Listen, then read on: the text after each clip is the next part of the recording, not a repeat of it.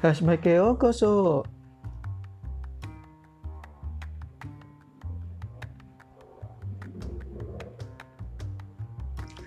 Selamat datang di Hasmag, tempat pembahasan manga, anime, game, dan Jepangan lainnya.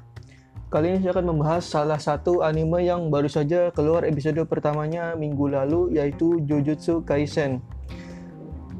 Uh, anime ini berasal dari sebuah manga yang dibuat oleh GG Sensei yang telah terbit di Weekly Shonen Jump dari bulan Maret 2018 hingga saat ini. Shonen Jump sendiri, kalau kalian sudah pernah membeli komik seperti One Piece ataupun Naruto, pastinya pernah mendengarnya karena mereka semua berasal dari penerbit yang sama. Memang Shonen Jump ini terkenal menerbitkan komik-komik yang lumayan populer disertai dengan jumlah volumenya atau jilidnya yang panjang. Terlepas dari banyaknya juga yang tidak suka, tapi fansnya membuktikan kepopuleran dari seri-seri tersebut dengan cara penjualannya yang lumayan populer atau lumayan bestseller lah di Jepang maupun di luar Jepang. Komik Jujutsu Kaisen sudah mencapai jilid 13 di Jepang. Sayangnya komik ini setahu saya belum ada di Indonesia. Kalau di Inggris sendiri sudah ada versinya baik dari fan translation maupun dari official translation.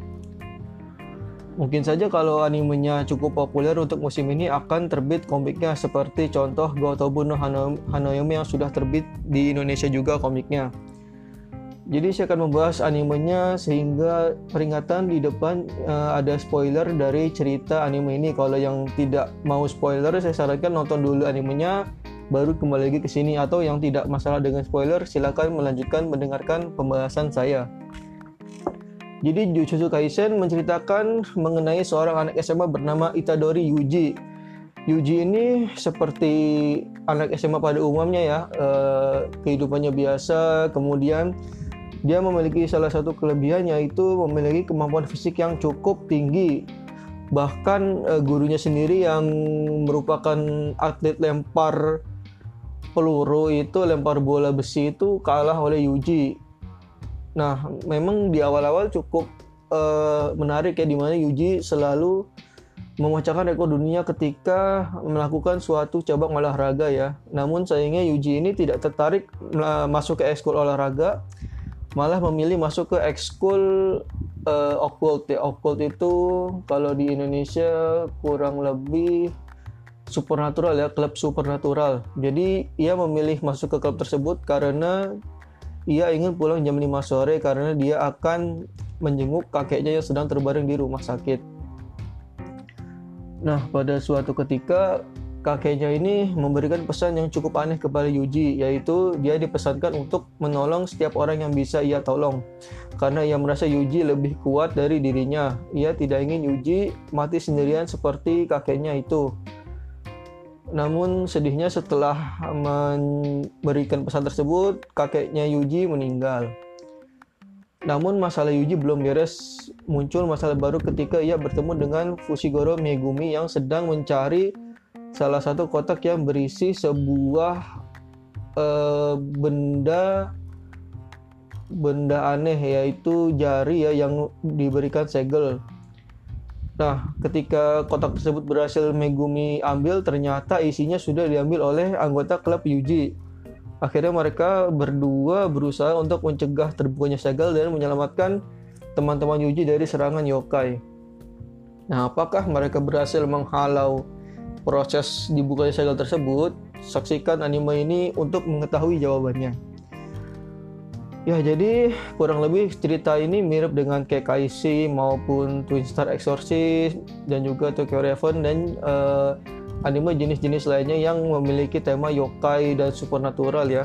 Apalagi ada sekolah juga jadi ya genre ini sebenarnya sudah cukup banyak yang menggunakannya dan saya rasa kalau di Jepangnya sendiri karena anime ini menggunakan roh-roh atau makhluk-makhluk supernatural dari Jepangnya sendiri, saya rasa mereka cukup menyukai melihat hal-hal horor di negara mereka dijadikan sebuah karya baik itu manga, anime ataupun karya lainnya. Namun untuk Jujutsu Kaisen ini saya rasa mereka tidak fokus ke arah horornya, malahan pastinya lebih fokus ke action ya karena dari komiknya sudah baca beberapa kemudian dari episode pertamanya ini memang feel horornya ada, cuman ya tidak seseram yang anime benar-benar horor ataupun yang banyak gorengnya. Nah karena itu kalau kalian memang suka cerita tentang MC yang awalnya tidak punya kekuatan namun berangsur-angsur menjadi kuat, kemudian dengan karakter yang menarik, pribadi Yuji juga saya rasa cukup cukup bagus untuk sebagai seorang tokoh utama ya. Saya rasa anime ini cocok sekali untuk kalian. Dan juga untuk versi lain atau untuk aspek lainnya seperti animasi, background suara ataupun sound efeknya juga saya rasa cukup bagus ya, cukup menarik karena saya selama 20 menit menonton anime ini 20 menitan itu tidak terasa bosan ya.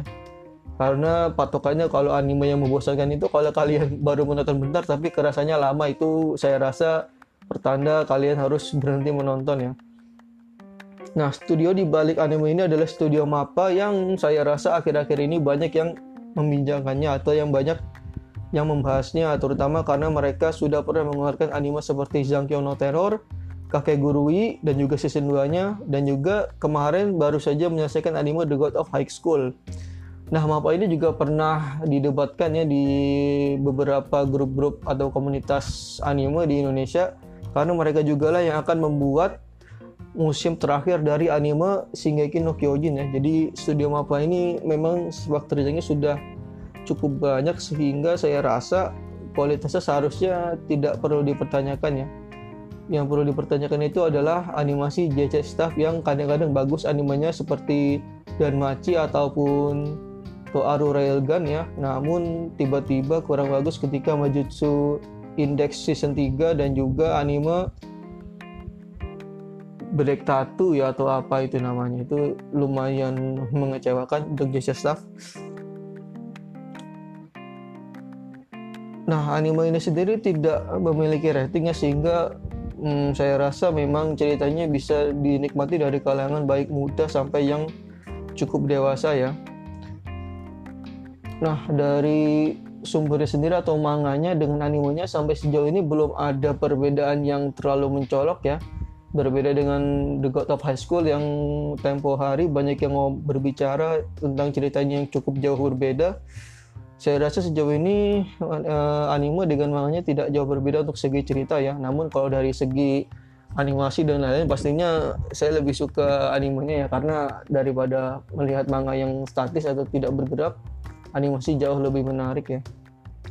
Jadi bagaimana menurut kalian apakah anime ini akan menjadi salah satu anime yang akan kalian tonton untuk musim ini, jangan lupa taruh komentar kalian di bawah. Mohon bantuannya untuk membagikan podcast ini ke tempat-tempat tongkrongan kalian atau ke WhatsApp atau ke mana pun yang biasa kalian gunakan bersama teman-teman kalian. Mungkin sekian untuk episode kali ini. Terima kasih sudah mendengarkan Hashtag Podcast. Sampai jumpa di episode berikutnya. Ja, mata nih, sugino episode mata kita nih. Bye bye.